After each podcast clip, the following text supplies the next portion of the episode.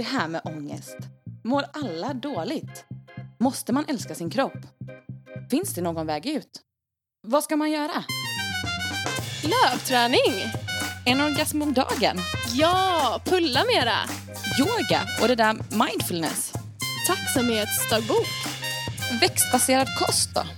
Och dricka mycket vatten. till Lyckoreceptet. Hej hörni och välkomna tillbaka till ännu ett avsnitt av Lyckoreceptet. Eh, idag är det Sandra här bakom mikrofonen och eh, i vanlig ordning så tänkte vi prata om välmående, kost, träning och eh, vad man själv kan göra för att må ännu bättre. Eh, och idag så tänkte vi rikta in oss på träningsbenet i, av de här tre. Och till min hjälp så har jag eh, Anton Melin här i studion. Och vi tänkte prata om löpning framför allt. Välkommen Yes. hit. Tack så mycket. Ja, Kul att vara här. ja men verkligen. Superspännande. Jag har ju bara varit hos er i eh, ja, eran träningsanläggning, kan man säga så? Ja, vi brukar kalla det för ett rörelsecenter.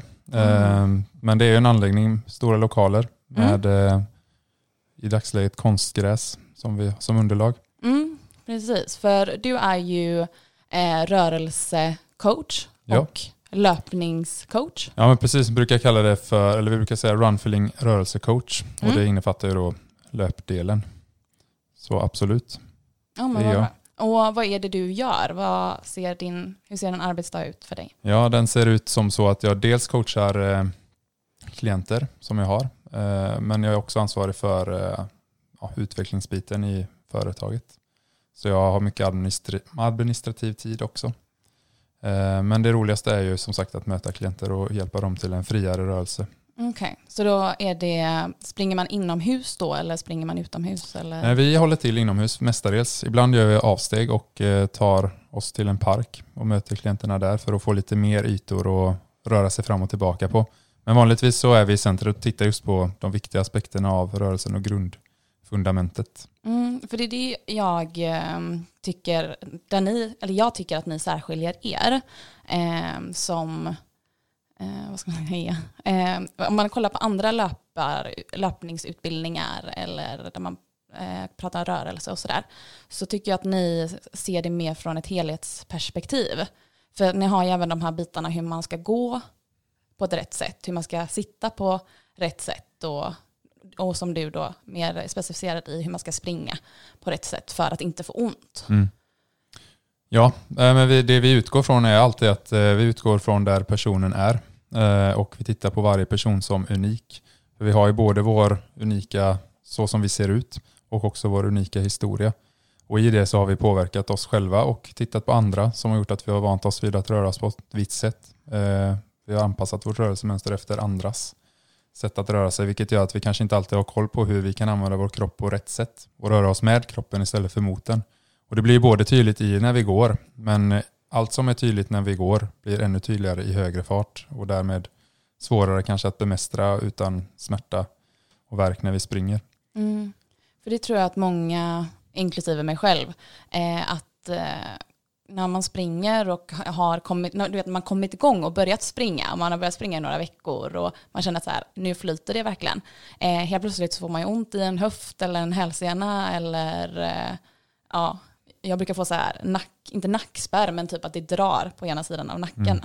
efter ett tag. Att man typ får som håll i nacken om man kan få det. Ja, jag vet inte om jag skulle kalla det håll, men jag förstår vad du menar. Ja, Nej, men jag vet inte om du har lagt märke till det när, när vi är ute och, och rör oss och titt, när vi tittar på människor så undrar jag många gånger vad är, det, vad är det som pågår? För det är så många som har en kamp med sin, eh, med sin kropp. Det är ansiktsuttryck med det är grimaser och det är spända axlar, det är spända händer, de, du är ihopsjunken och så vidare. Så vad är det egentligen som pågår? Från början är vi ju vi är födda till att röra oss fritt. mm. Vi, vi har en rörelsefrihet som är enorm när vi är små. Och vad är det, vart tar den vägen? Vad är det som gör att vi har en fight mot vår kropp varje dag istället för att springa med glädje och frihet med den? För vi skapade för att springa. Mm. Och det syns väldigt tydligt om man bara tittar sig runt omkring. Att, eh, att det är en kamp när andra springer? Eller? Nej, men är, jag, jag ställer mig ofta frågan, vad är, vad är det som pågår i en kropp? Mm. Och det vi brukar titta på då är att det är väldigt, väldigt mycket spänningar Mm. som gör att eh, alltså de här, alltså ett ansiktsuttryck som är väldigt det ser nästan ut som du fightas under Mm. tiden du rör dig. Du har knutna nävar. Varför har du knutna nävar? Varför är det spänt i axlarna? Det tycker jag man kan se när man sitter och kollar på Göteborgsvarvet framförallt. Allas olika löparstilar. Mm. Vissa springer så här, ja, men som att man boxas framför. Liksom. Vissa lutar framåt, vissa liksom, ja, lunkar lutandes bakåt. Liksom. Mm. Och jag vet inte allt vad alla håller på med. Jag tycker det är lite kul att se på. Ja, men det, det, är, ja, det är ju många, man får många bilder av det. Det finns många, ingen är ju den andra lik och det är just det vi tittar på. Då, vad är det som har hänt i respektive människas rörelsemönster som gör att de är där de är idag? Mm. Och just när jag reflekterar mycket över det själv, som har tittat oerhört mycket på rörelse, så ser jag att vi har, vi har ju en kropp eh, och den är ju det som egentligen fysiologi brukar vi kalla det. Mm. Fysiolog, physiological säger man ju på engelska. Mm. Det är egentligen att, ja, fysiologiskt. Så allting som är egentligen rätt är ju logiskt utifrån kroppens perspektiv. Och därefter har det skett vissa saker i vårt sätt att använda den som gör att det inte längre är lika logiskt i vårt rörelse, rörelsemönster. Okej, Okej, för, eh, ja, men för det kan gå in på en av mina frågor. Är egentligen att varför eh, ska man, alltså varför ska ni lära ut hur man springer och Alltså jag har tänkt på sånt, typ så här med löpteknik och varför man, vi har inlägg och alla sådana grejer i dagens samhälle när vi inte hade det för flera tusen år sedan. Mm. Då sprang vi ju bara. Mm. Men idag så har vi så himla mycket eh, saker som man ska lära sig att göra rätt. Mm. Men borde inte det vara inbyggt i oss då? Att borde vi inte ha med oss det från grunden? Liksom? Jo, och det är precis som jag sa, vi har ju det med oss från grunden. Mm. Men- Och vi titt- men det vi gör när vi är små är att vi tittar jättemycket på vår omgivning. I vår omgivning så finns ju dels föräldrar, det finns kanske syskon, det finns eh, andra viktiga personer. Och vi, och vi, här, någonstans börjar vi härma hur de rör sig. Och i den här har det också skett en utveckling då att från början var det kanske väldigt enkelt att bara göra det som var vårt primala behov, alltså vara ute och röra oss på ett visst sätt. Och då rörde sig folk, eller vad säger man, människan mer naturligt. Ja, för Sen då hade det- vi ju verkligen inte, då hade vi inga löparskor, vi hade inga inlägg, vi hade ingen löpningsteknik eller sådär. Men då säger du att så här, ja, men då sprang man bara och härmade sin ja, pappa, sin mamma eller Jag tänker att vi hade väldigt lite av det vi har idag i alla fall, i Mm. form av annan påverkan. Alltså att vi hade väldigt mycket färre intryck, väldigt Mm. mycket mindre. Vi var kanske mer bara i det här enkla att vara i kroppen mm. och, och göra det som var ett nödvändigt behov för att, att överleva. Och jag, utan att gå in djupare på exakt, för jag har inte studerat exakt hur det såg ut, Nej. så det vill jag lämna utanför. Men just att vi har ett modernt samhälle som ser ut som det gör och i Mm. det har vi skapat nya vanor som kanske inte alltid är till fördel för vårt sätt att röra oss. Under tiden då som generationer har gått så har vi fastnat i de vad ska man säga, nya mönstren. Och då är det väl egentligen inte, det vi gör är ju egentligen inte att vi vill inte lära ut att springa utan det vi tittar på är hur kan vi titta tillbaka till det naturliga sättet för oss att röra oss så att det blir lätt. Alltså varje persons frihet i rörelse den finns där och den är väldigt lättillgänglig. Men det gäller att vi förstår hur vi kan göra det på rätt sätt. Att vi börjar Ah. bygga ett, en, en ny, ett nytt fundament i vår rörelse. Okej, så ni kollar på, så om jag skulle komma till er så ser ni till på hur jag rör mig, hur jag eh, går, hur jag sitter och hur jag springer. Eh, och vad mina svagheter är och varför de kanske har blivit så. Till exempel om jag, om jag sitter mycket på kontoret och sådär, eller jag kör mycket bil, så kollar ni på, ja men det här, här är du antagligen ja, svagare i de här musklerna, eller du rör dig på det här sättet på grund av hur din vardagssituation ser ut. Och så jobbar vi med de bitarna. Ja, ja. Du har förstått mycket Ja, rätt. ja. Eh, Det jag skulle addera till är att när någon kommer till oss Mm. så tittar vi på alla deras positiva aspekter. För det finns så mycket bra, det är så lätt att vi fastnar i, om jag har ett problem med min, mitt knä eller med min fot, är det så lätt att vi fokuserar på att okej, vad ont det gör i foten, jag kan inte använda den på rätt, eller jag kan inte använda den. Eh, Den hindrar mig i min löpning till exempel. Men allt annat fungerar ju väldigt bra. Jag har ju ett jätte- jättestarkt hjärta som pumpar. Jag är van vid att röra mig kanske. Mm. Jag har starka lårmuskler, jag har starka vadmuskler, jag är stark i, i höften. Men jag får det inte att, att jobba tillsammans och jag har inte min naturliga rytm att tillgå. Så att titta på alla de saker som är positiva och sen då se vad kan vi göra för att stärka upp de bitar som inte fungerar bra. Men om jag är svag i mina fotvalv, vad kan jag göra för att få med dem så att de, de hjälper kroppen, resten av kroppen att hamna i linje och att jobba som en enhet. Så det är mycket det vi gör och tittar. Jag har upplevt själv i den resan jag har gjort att många andra platser jag har varit på så har man fokuserat väldigt mycket på det problemet jag, som jag har. Och det blir väldigt ännu mer problem då för att då är jag ju där och rotar ännu mer. Istället för att titta på vad är det som egentligen är orsaken till att jag får problem med mitt, med mitt knä? Mm. Vad är det jag gör med överkroppen? Och om vi relaterar tillbaka till det som jag fastnar mycket i när jag jobbar med klienter och, och ser väldigt tydligt, det är ju det här med spänningar.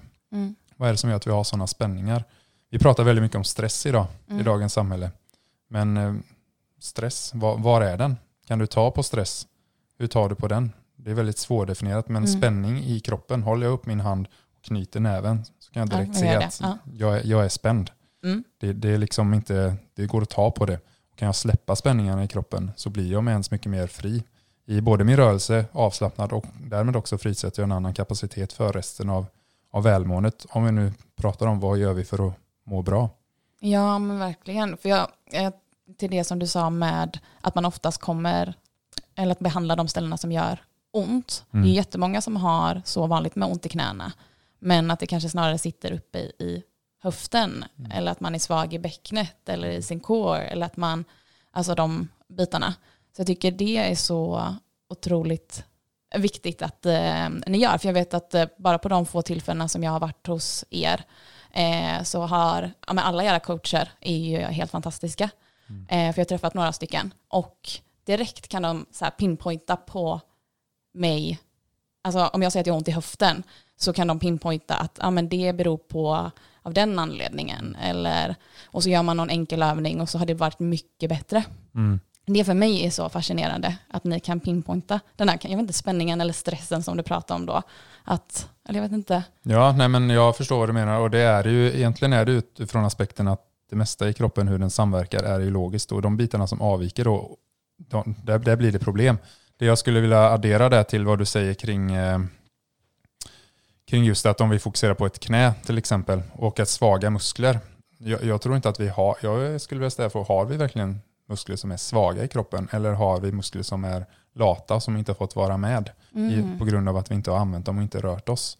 Ehm, jag har en jättetydlig bild av min egen resa i det fallet, men just när jag ser hur jag jobbar med klienter så att de kan bli fria på, på 40 minuter eller 30 minuter i sin rörelse få igång muskler som de trodde var svaga, som snarare inte, de har inte varit aktiverade för det har varit andra muskler som har varit överjobbat. Ja, mer dominanta liksom. Ja, men precis. Så egentligen då om vi kallar det för fel muskler har jobbat vid fel, vid en viss typ av rörelse. Mm. Så när vi får med rätt muskler och mycket, alltså jobbar med dem och tränar upp dem så att de blir snabbare eh, och mer effektiva, och då blir det också såklart en mer effektiv rörelse. Men att de redan efter 30-40 minuter kan komma igång och känna en helt annan känsla, det innebär att det finns ju där.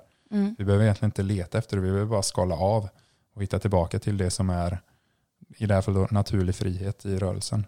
Så du tror på att alla, är, alla kroppar är byggda för löpning på ett eller annat sätt? Absolut. Det är så många exempel i vad vi, vad vi har sett nere i centret, vad jag har sett men också mina kollegor. Mm. Eh, människor som inte har sprungit på 15, 10-15 år. Mm. Och så kommer de in och så säger bara jag, jag kan inte. Och sen så samma pass så är de igång och, och, och löper. Och Men shit, är det, är det de själva då som har den begränsningen att säga, men jag kan inte springa, det har aldrig varit min grej? Eller? skulle jag säga att det är en kombination av det. Eh, många av dem har ju sprungit tidigare men sen accepterat att de har blivit hindrade av skador till Mm. exempel. Då. Och så har de varit hos andra eh, instanser där de också fått det bekräftat. Nej men det är ingen idé. Det här, det här kan du inte göra någonting åt. Eh, och, men som jag sa tidigare, genom att titta på allt det, som, allt det positiva som finns där runt omkring, allt som fungerar. Och att, vad, vad ska man säga, sen börja titta på vad kan du göra enkelt här för att få din, din rörelse att bli mer, ja, bli Mm. mer igen. Få igång muskler som inte har varit där. Hitta balansen i, jag menar många idag när vi är ute och rör oss, jag vet inte om, de, om ni har reflekterat över just foten. Hur använder vi foten? Vi har ju en fot som är, ser ut på ett sätt. Den är ju formad och ser ganska lika ut på oss alla. Och den eh, är ju tänkt att användas vi, i samma riktning som kroppen. Har vi foten utåt något håll Mm. så automatiskt förlorar vi kraft och balans och styrka åt det hållet. Vilket gör att det blir, någonstans ska det kompenseras för i resten av kroppen. Och samma sak är det med kontakten mot marken. Om jag någonstans landar på utsidan av foten eller på hälen eller på tårna väldigt mycket, ja, resten av kroppen får ju kompensera för den uteblivna kontaktytan och därmed också förutsättning för balans. Så att titta på de aspekterna ganska snabbt, det är ju det som gör att vi kan få någon som är, vad ska man säga, som balanserar fel eller som har en avvikande kontakt med marken, att hitta något som är bättre. Och då hakar resten av kroppen på, för det, det finns där hela tiden. Gud, ja, ja, så fascinerande. Ja, men om jag får fortsätta bara lite Ja. på det, för du nämnde förut eh, alla hjälpmedel som pratar om inlägg och så vidare och Mm. knäskydd framförallt. Knäskydd är väldigt vanligt att vi drar på oss idag om vi har ont Mm. i knät. Det har jag själv haft. Ja, och så tänker vi att ja, men det känns ju bra, nu kan jag ju springa igen. Mm. Men är det någon som verkligen tänker på då, vad är det egentligen som händer om det fortfarande är samma rörelse jag gör Mm. och så har jag bara satt på någonting som gör att knät känns mindre. Men vad är det egentligen resten av kroppen gör? För att hur påverkar det resten Ja. av kroppen? Över lång tid, över, i närmaste närtid, men också över längre tid. Vad är det jag gör då om jag inte kan belasta mitt knä fullt ut, men det funkar i rörelsen, upplever jag. Men då kommer jag väl få ont någon annanstans? eller? Förmodligen flyttar det runt i något annat ställe också. Ja. Eh, vilket gör att ja, om det stället också får börja överjobba eller kompensera, ja, vad händer då längre upp? Hur blir det med min, nackpos- min huvudposition? Nacken, hållningen, bröstet, axlarna, händerna, vad gör de? Och som jag sa, mycket av det vi ser är ju ofta att det är, det är väldigt mycket spänning. Väldigt mycket spänning i vår rörelse. Jag, jag börjar tänka på de här mm, memes på Facebook och sånt här. De här, eh, när jag ser en person som springer och ler typ. Eh, har du läst dem? Eh, tror, alltså Nej, det här är roligt, här är jag Vi- utanför. ja. Eh, olika generationsgrejer. Jag förklippar allting Okej. till memes. Nej, men det är mm, att man typ skrattar åt personer som typ inte skrattar. Men eh, folk kan inte förstå människor som springer och ler. Eh, utan man känner mer igen sig i den här bilden som du Ja. säger. Att man tycker att det är en plåga. Liksom. Mm. Ehm, och det hade ju varit så fint om vi är fler som har- faktiskt hade kunnat få känna den här glädjen och avslappningen som löpning kan vara. Mm.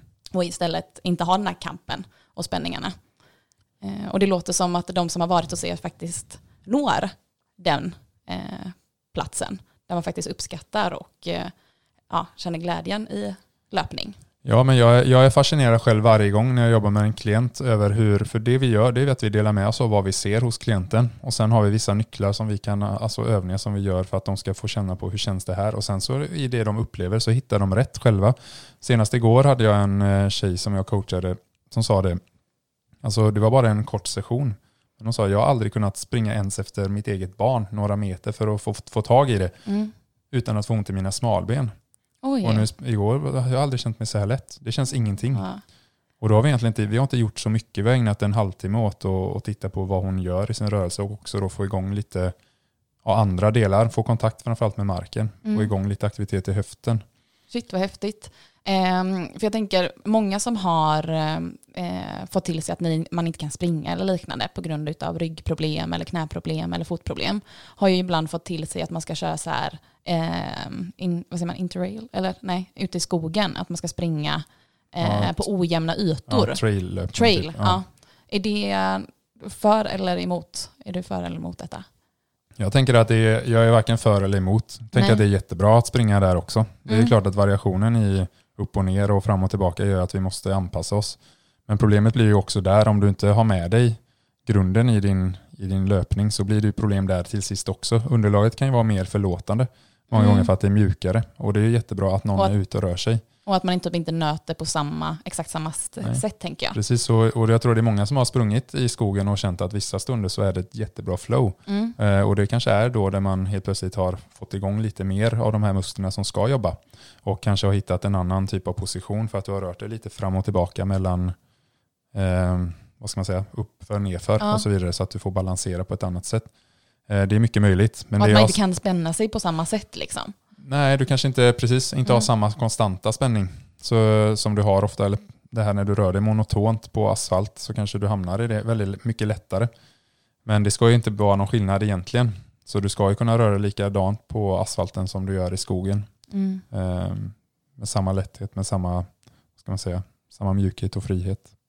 Mm, det hade jag verkligen velat uppleva för att jag, jag springer ju bara ute i naturen av just den anledningen som jag nämnde innan att jag får så här, ja, men låsning i nacken eh, och tidigare har jag fått ont både så i knä och fötter men det har jag inte haft nu eh, på samma sätt för att jag eh, inte sprungit eh, eller gått ut lika hårt för snabbt om man säger Nej. utan att jag har eh, successivt trappat upp Mm. eh, löpningen. För jag tänker att när man är nybörjare, så hur gör man då? För att ehm, jag som PT ger ju mina klienter de här råden att men man ska trappa upp. Liksom. Så nu har jag följt mina egna råd och det har ändå funkat. Men jag Mm. tänker som nybörjare när man ska springa, vad är det man ska tänka på då? Ehm, för att inte få för ont. Eller få ont. Ja. Har du något? Nej men generellt tänker jag alltid att det är eh, det första som kommer till mig är att jag säger om det, man borde komma förbi oss och göra den här som Aha. vi erbjuder, en kostnadsfri rörelseanalys. Då får man med sig så många verktyg vad man kan göra Mm. med sin, i sin rörelse, vad man har för utmaningar och vad, som, vad alla positiva aspekter som finns där.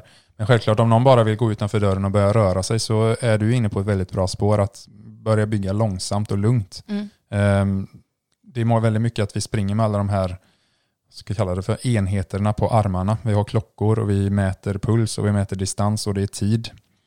Det är väldigt svårt att hitta en avslappning i det om du fokuserar på att jag borde springa i den här farten men du kommer inte dit utan att det känns väldigt jobbigt. Mm. Men om du inte visste det, om du inte hade en aning om, inte hade en referens om det, hur hade du rört dig då? Hade du ens sprungit? Hade du accepterat att gå kanske vissa, på vissa partier där det bara var tungt och trögt? Mm, det är precis så jag har gjort det nu. Att jag så här lämnat telefonen hemma och bara sprungit, promenerat, sprungit, promenerat. Och när jag känner så här, nu har jag flow, då, men då springer jag. Och sen så när jag når, när jag känner att det blir för motigt, så bara, men då går jag liksom. Och så har varit väldigt förlåtande, kan man säga så, i min löpning.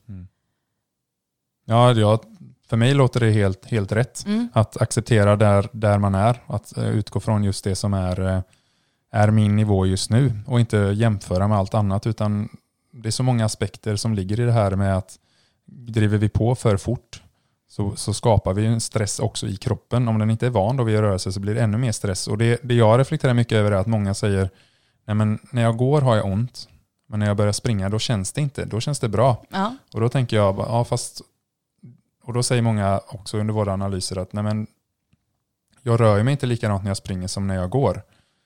Men det som vi ser är att det som sker i gången är ännu tydligare i löpningen. Skillnaden är att när vi löper så aktiverar vi, om vi inte gör det rätt och det blir en belastning som kroppen inte kan hantera och då blir det mycket kemisk påverkan i kroppen som gör att vi inte känner det. Mhm. Så det som folk upplever att de inte har problem med när de springer är egentligen samma sak fast ännu, ännu större utsträckning. Okej. Då finns den här mekanismen att ja, det finns en skyddsmekanism helt enkelt som utsöndrar olika typer av kemikalier Mhm. som gör att vi inte känner eh, smärta känner på samma mindre. sätt. Ja, men det kan jag känna igen när man har haft en inflammation. Och när man, det gör jätteont när, man, ja, men när musklerna är kalla, liksom, när Mm. man är stel. Men när man kommer igång och får värme i kroppen så helt plötsligt så gör det inte ont och då nästan pressar man sig lite extra. Framförallt när man har hållit på med elitidrott, då har man ju eh, gjort det. Och så länge det inte är ont så pressar man sig ju så långt det bara går. Precis, och en del i det som du säger är ju just att det blir cirkulation igen när du börjar röra dig ofta. Mm. Så får du bättre cirkulation, vilket såklart tar bort en del av den här känslan som du upplever av stelhet. Men sen Okej. kommer ju som du säger nästa nivå, sen är ju om du ska helt plötsligt känna att nej, men jag känner inget. Så kör du på ännu hårdare och då kommer ju den här andra effekten då. Som gör att du inte upplever det alls, Mm. även vid hård belastning. Men sen kan du ju säkert uppleva då många gånger att det kommer tillbaka efteråt när du går ner i, går ner i varv igen. Så på kvällen när man har, har du varit ute och sprungit på eftermiddagen och kommer in på kvällen och går från soffan till sängen kanske så, så är det där igen. Mm. Ganska stark eh, verk eller smärta. Mm. Men, och där älskar jag ert eh, citat som ni har. Ehm, som ni har uppe på er vägg inne hos er. Om man lyssnar på kroppen när den viskar så behöver man inte Höra när den skriker. precis, man behöver inte höra när den skriker. Precis. Och det är ju tillbaka till det här med att gå ut och springa och vara väldigt tillåtande. Att känna efter, att lyssna på kroppen, vad det är som känns bra. Mm. Eh, och kanske inte alltid ha musik i hörlurarna och all den här andra stressen som du pratar om med klockor och eh, de bitarna. Nej men precis. Alltså klockor i all ära, det, det är jättebra om du kan hantera det rätt säkert. Men det finns jättemycket vinning i att, alltså många springer ju också med telefoner i handen. Mm. Vad gör det egentligen med, med oss? Vi har en knuten, en, en avslappnad hand är ju inte en knuten hand. Det kan nästan alla som lyssnar också. Om de knyter näven Mm. så någonstans känner ju alla att det, är, det finns, sker en spänning i underarmen och den går, kan ofta härledas hela vägen upp till axeln och så vidare. Men det är alltså en öppen hand, avslappnad hand. Det finns ingen spänning. Nej. Så håller du i en telefon så har du skapat spänning i handen vilket tar vägen hela vägen upp till axeln. Sen har du också flyttat tyngdpunkten. Det kan tänkas att det bara är väldigt lite. Men under, tänk hur många steg man tar under en löprunda och hur lite då du hela tiden kompenserar med resten av kroppen. Till slut blir det större påverkan än man tror. Och det är precis samma sak egentligen med just det vi tittar på. Om du har ett, en överkropp eller en huvudposition som är lite framskjuten eller lite åt sidan eller vad det nu är. det är ett tecken på att det sker någonting längre ner i kroppen som inte är helt balanserat. Men det påverkar ju också hela tiden lite, lite mer om du inte kommer tillbaka till att på något sätt öppna upp bröstet, räta på att få tillbaka nackpositionen och så vidare. Mm. Ofta så um, märker man ju inte de här små grejerna förrän man har jätteont kanske. Jätteont i nacken eller jätteont i höften eller sådär. Eh, ofta så tror man ju att alltså smärta kommer av en specifik sak. Eller kan jag ibland tänka. Eh, och att det inte är många små eh, saker eller många, många dagar där man har gjort lite, alltså som du säger, eh, nacken sned mm. eller sådär. För jag tänker många som jobbar på kontor, eh, där har man ju väldigt så här framåtlutad hållning och det är många som får eh, problem med nacken, spända axlar och mm. eh, stela höfter och sådär. Mm. Eh, vad gör man med dem tänkte jag säga? Eller vad, vad kan man säga till dem som, eller kan man göra någonting när man sitter? Eller hur ska man tänka på när man sitter på jobbet? Man kan ju alltid göra någonting tänker jag i mm. det som känns bra. Det som är viktigt i det är Dels är det ju kul att bara nämna det som påverkas av mm. den här typen av hållning. Det är ju dels att i nacken sitter ju hela syretillförseln upp till, till hjärnan. Så genom de kotorna som går där bak så om de, om de förskjuts så förskjuts ju också, eller försämras ju syretillförseln. Har du framåtlutade axlar eller vad säger man, kupade axlar framåt mm. Så får du sämre plats för lungor och hjärta att eh, ja, både för hjärtat att pumpa runt fritt men också för lungorna att eh, ta plats och förses med syre. Så du, ganska, du går miste om en väldigt central funktion eh, i stor utsträckning. Det du kan göra är alltid att såklart sträcka på dig. Men det viktiga är att inte skapa en ny spänning så att du behöver inte sitta spänd sträckt utan hitta bara i så fall en avslappnad sträckning i, och tänk, du, tänk på vad du har huvudet och överkroppen. Se vad, vad, vad, vad det gör med dig, vad, hur du upplever det. För det är också det i vår hållning i grunden. Vi tänkte att ha huvudet högt blicken ska kunna, vi ska kunna fånga upp vad som händer runt omkring oss. Vi, skulle kunna se, vi ska kunna se världen, mm. uppfatta det som händer. Från början var det för överlevnad, idag är det ju för upplevelse och för att se människor. Mm. För att se det som är aktuellt just runt omkring oss nu. Inte för att kolla i sin telefon. Nej, men automatiskt om du tar telefonexemplet så tittar vi ofta ner. Mm. Eller dator tittar ofta ner. Och vad är det som händer då? Jo, men då har vi en liten sänkt nackposition. Hakan kommer ner lite, kanske till och med följer med lite med, med axlarna automatiskt. Medan den naturliga delen är att sträcka upp och kunna se, då, se, se runt omkring. Så fundera på vad, vad det gör med dig just när du, om du sitter ner eller står upp. Vad händer om du sträcker lite på dig? Vad, vad känner du? Vad upplever du? Vad ser du? Mm. Vad ser du som du inte såg förut? De flesta jag frågar live när de gör det, de säger ah, jag känner mig mycket, det känns mycket lättare allting. Allting känns mycket lättare. Mm. Jag tänker att det är också ett, ja det ligger väldigt mycket i det. Ja, så när man sitter och jobbar eller eh, sitter i bilen eller någonting, att man ska tänka på att liksom, ja, sträcka på sig. Är det en grej? Ja, det kan vara en grej. Just sitta, jag tänker sittandet överlag. Ja. Att förändra positionen till det som känns bra just nu. Så att du kanske inte är statiskt sittande heller. Okay. Men att eh, hitta olika positioner som gör att du förändrar. Men inte komplicera det för mycket. Utan mer så här som, som du säger. Kanske känner du att du har sjunkit ihop mycket. vad händer om du sträcker på dig? Gör det som kommer till dig istället för att bestämma dig för att nu ska jag sitta så här. För jag tror att det blir nya spänningar i slutet som gör att du, ja, du får ont någon annanstans. Mm, precis. Än en gång, lyssna på ens egna kropp och vad den, ja, där den är avslappnad. Fast inte, jag tänker, jag är avslappnad när jag sitter med benen korsade. Mm. Men det känns ju inte som att det är så bra.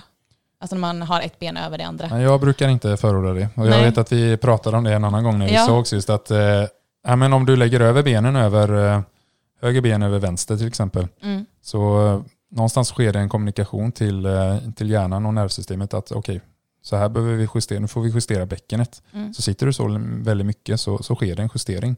Det är alltså en muskulär anspänning som sker för att, för att flytta.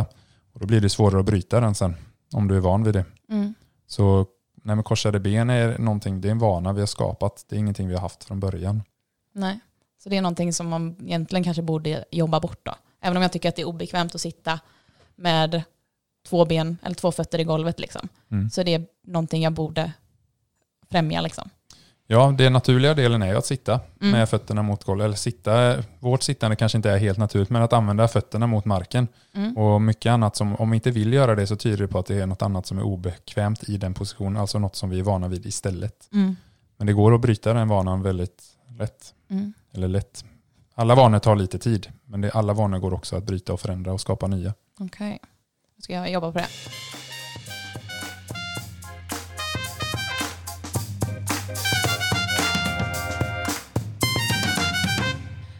Men jag tänker på, för du är ju från Run Feeling, eller eh, ansvarar för eh, dem, trä- både utbildningar och eh, ja, för privatpersoner. Ja. Eh, men sen, för ni har ju ett ben som också heter Walk Feeling. Ja. Vad är skillnaden där mellan Walk Feeling och Run Feeling? Eh, Man hör ja. lite på namnet men... Ja, lite hör man. Men walkfeeling är ju både det som det syftar till då i namnet, att det är mycket gång. Men det är väldigt mycket människor kommer till oss som har, eh, de har, ont, i, har ont på något sätt eller känner sig spända, har problem eh, och vill eh, bli av med dem. Men vi tittar där mycket mer på både gången men också vardagsrörelsen som till exempel hur använder du kroppen i det du gör. Nu nämner du kontorsarbete. Mm. Och någon, då tittar vi också på de bitarna. Hur kan du göra då? Någon säger, ja, jag står så här mycket. Ja, men kan du göra något med det? Och så hittar man nycklar i det.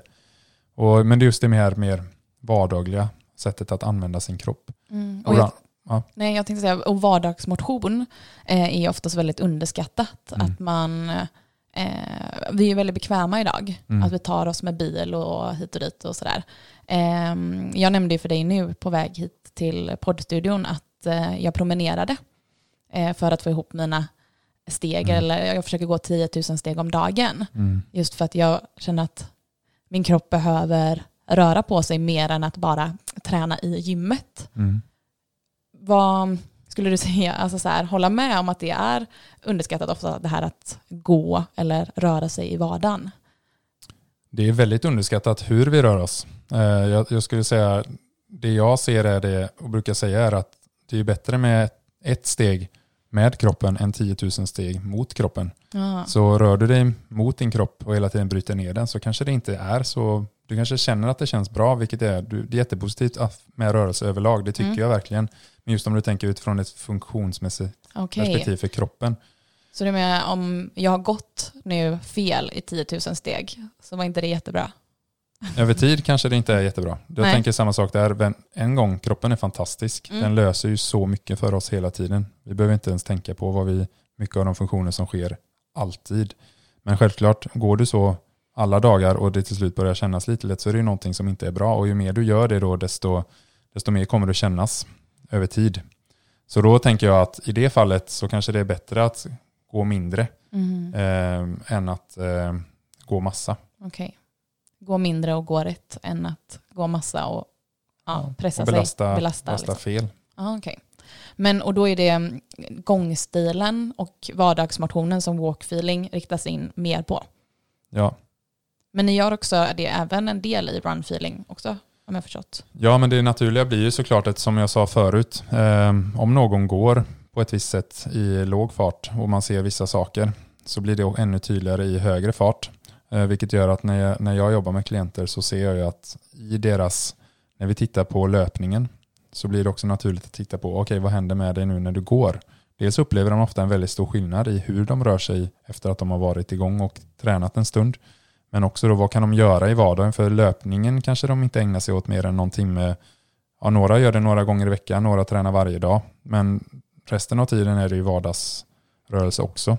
Så då är det klart att vi kopplar ihop det. Det intressanta är just att se vad gör, hur skiljer sig rörelsen i låg hög fart? Vad blir tydligare och vad blir till och med tvärtom? Då vad blir tydligt när du har löpt på rätt sätt i din gång? Så att du kan ta med dig de bitarna i din upplevelse och för att förbättra just den rörelsen också. Mm, okay.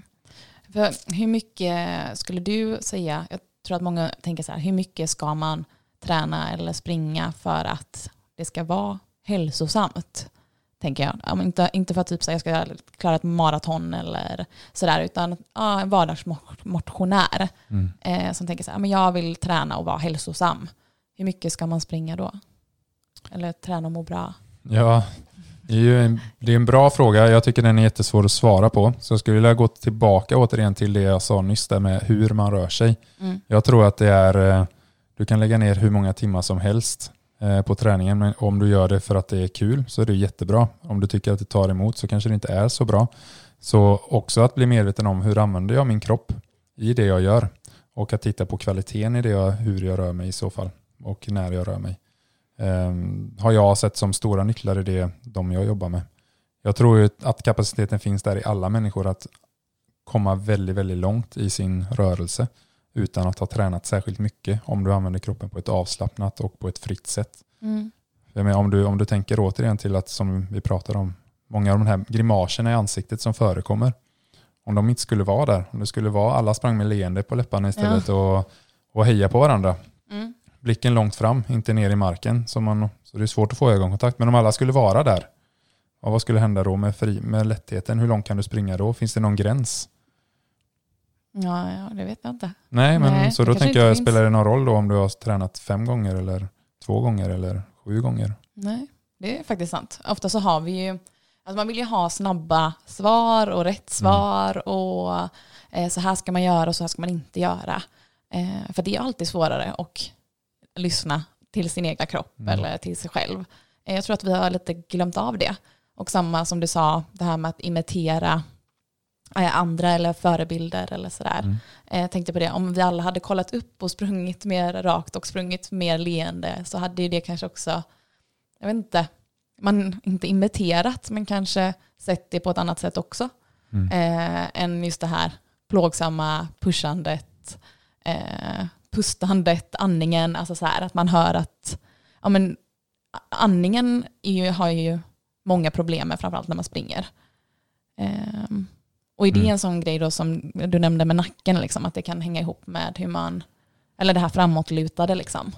Ja, dels är det ju det såklart. Ett ökat tryck över bröstets spänningar runt bröstet gör det svårare att andas. Men sen är det också, det är alltid det. Om vi är vana vid att inte använda andetaget från början så blir det inte lättare om vi spänner oss ännu mer när vi rör oss. Mm. Så det är ju hela tiden någonting, det är fascinerande att se hur många som har väldigt lite tillgång till sin andning även på väldigt hög nivå av fysisk aktivitet. Mhm. Och hur snabbt man kan få då väldigt stor utväxling genom att få tillgång till den till exempel. Men allt det i grunden egentligen handlar ju om spänningsnivån i kroppen.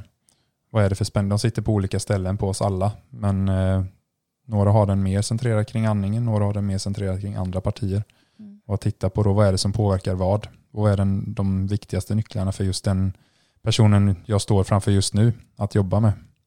Och igen det då med imiteringen, att hade man sett andra eller från, eller som barn sett ens föräldrar eller någon springa med en mer rak hållning, eh, leende, nej men alltså sådär, då hade kanske även syres eh, andningen och det varit bättre automatiskt typ. Då hade det liksom inte varit ett... Förmodligen. Ja. Alltså, som sagt, hade vi, hade vi pratat mer om det, varit mer i det och sett mer av det tidigt så självklart hade vi behållit det. Mm. Istället är det många faktorer som påverkar både när vi tittar på de runt omkring oss men också i miljön vi är i. Om vi inte är, riktigt trivs i den miljön av någon anledning så skapar det också spänningar som vi sa. Stress, Mm. spänningar. Du kan se spänning, svårt att se stressen men de hör ju väldigt mycket ihop och de är kopplade till vad som händer runt omkring oss och vår bild av det som händer runt omkring oss. Mm. Men jag kan inte sluta, på tal om det här med imitering, kan inte sluta fascineras av just det här perspektivet. Det är inte, om du ser ett barn gå på ett sätt och så ser du föräldern så är det ganska snabbt du kan säga okej, ja där är mamma. mamma ja, barn, att man ser att de är släkt liksom. Ja, att de är nära varandra. Och sen jag, häromdagen nu såg jag en eh, bekants mor. De är jämngammal med mig men mamman är äldre då. Tänkte bara, är det min bekant som är ute och går? Mm. Nej, det var ju mamman. De går exakt likadant och det skiljer ju, då är hon ju över 30, eh, min bekanta, och mamman är ju över 70. Men ändå hur tydligt det är. Jädrar. Ja, men man blir verkligen som man umgås.